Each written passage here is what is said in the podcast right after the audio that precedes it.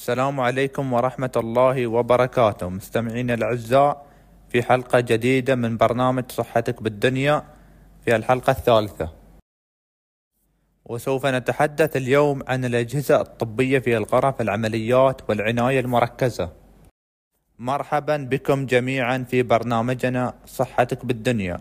اليوم لدينا ضيف مميز الدكتور المعروف أحمد الشامسي في مجال الطب. وسوف نتحدث حول موضوع مهم جدا وهو أجهزة التنفس الصناعي. مرحبا بك دكتور. شكرا لكم سعيدا بأن أكون هنا اليوم. لنبدأ بمفهوم أعمق حول أجهزة التنفس الصناعي وما هي وظيفتها الرئيسية. وبالطبع هي أجهزة التنفس الصناعي هي أجهزة طبية تستخدم لدعم أو استبدال التنفس الطبيعي. يتم ذلك عندما يكون هناك تحدي أو فشل في وظيفة التنفس الطبيعي للشخص وما هي الحالات التي يتم فيها استخدام هذه الأجهزة؟ يستخدم هذا الجهاز التنفس الصناعي في حالات متنوعة منها حالات الصدمة وفشل التنفس الحاد وأحيانا بعد الجراحة خاصة إذا كان الشخص لا يستطيع التنفس بشكل طبيعي وهل يمكنك أن تشرح لنا كيفية تعامل هذه الأجهزة بشكل عام؟ وبالطبع أن أجهزة التنفس الصناعي تولد تيارا من الهواء الذي يحتوي على أكسجين وتوفير للمريض في حالات الصدمة ويتم إدخال أنبوب صغير في القصبة الهوائية لضمان الوصول الهواء بشكل مباشر وهل هناك أنواع مختلفة من أجهزة التنفس الصناعي؟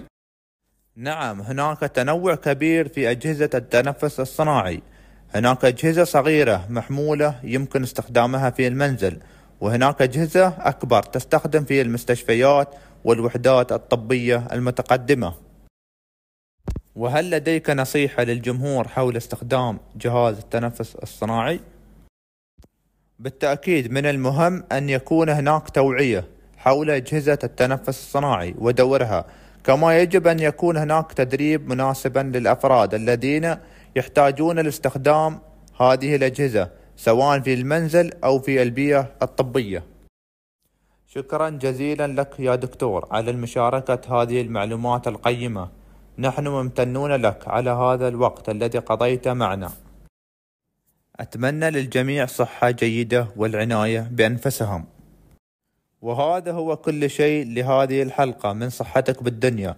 نلتقيكم في حلقة قادمة ونتمنى للجميع يوما سعيدا وصحة جيدة. إلى هنا أعزائي المستمعين تنتهي حلقتنا لهذه اليوم. نلقاكم على خير. دمتم في أمان الله.